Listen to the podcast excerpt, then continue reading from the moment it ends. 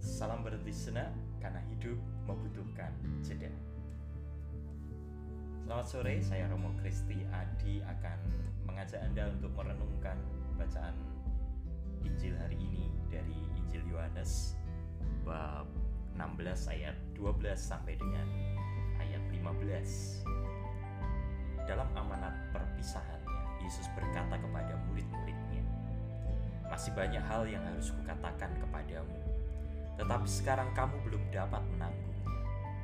Tetapi apabila ia datang, yaitu roh kebenaran, ia akan memimpin kamu ke dalam seluruh kebenaran.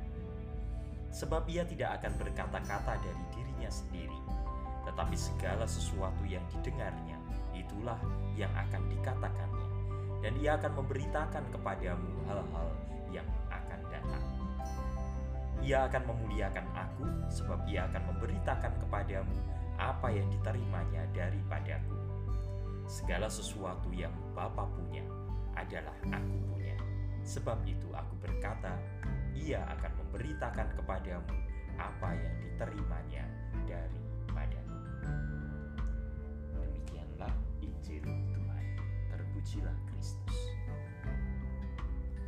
Sahabat-sahabatku yang terkasih, ada orang yang sangat keras hatinya.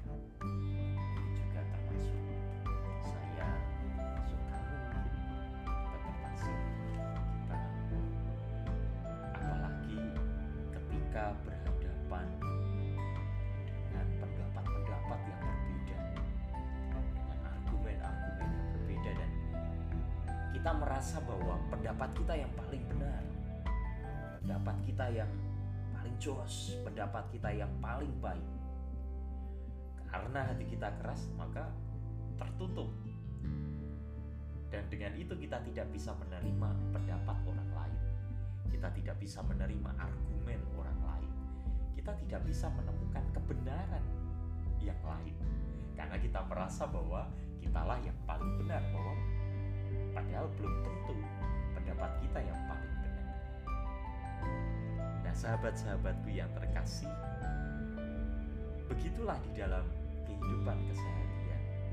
Seringkali kita berada di dalam situasi tersebut bahwa aku merasa paling benar dan orang lain salah. Lalu kita tidak bisa menemukan kebenaran yang sesungguhnya. Di dalam bacaan Injil tadi Yesus menjanjikan kepada kita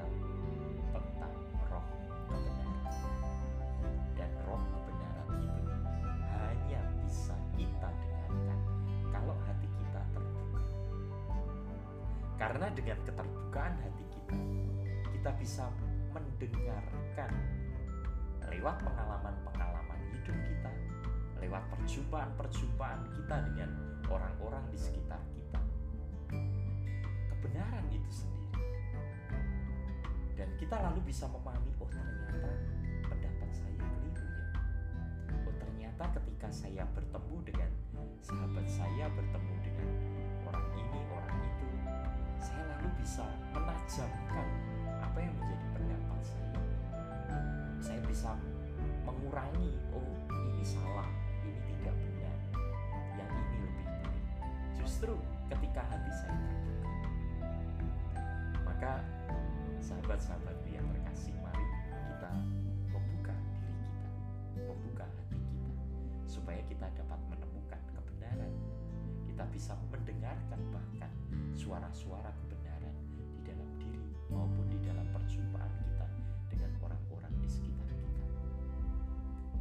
dengan orang-orang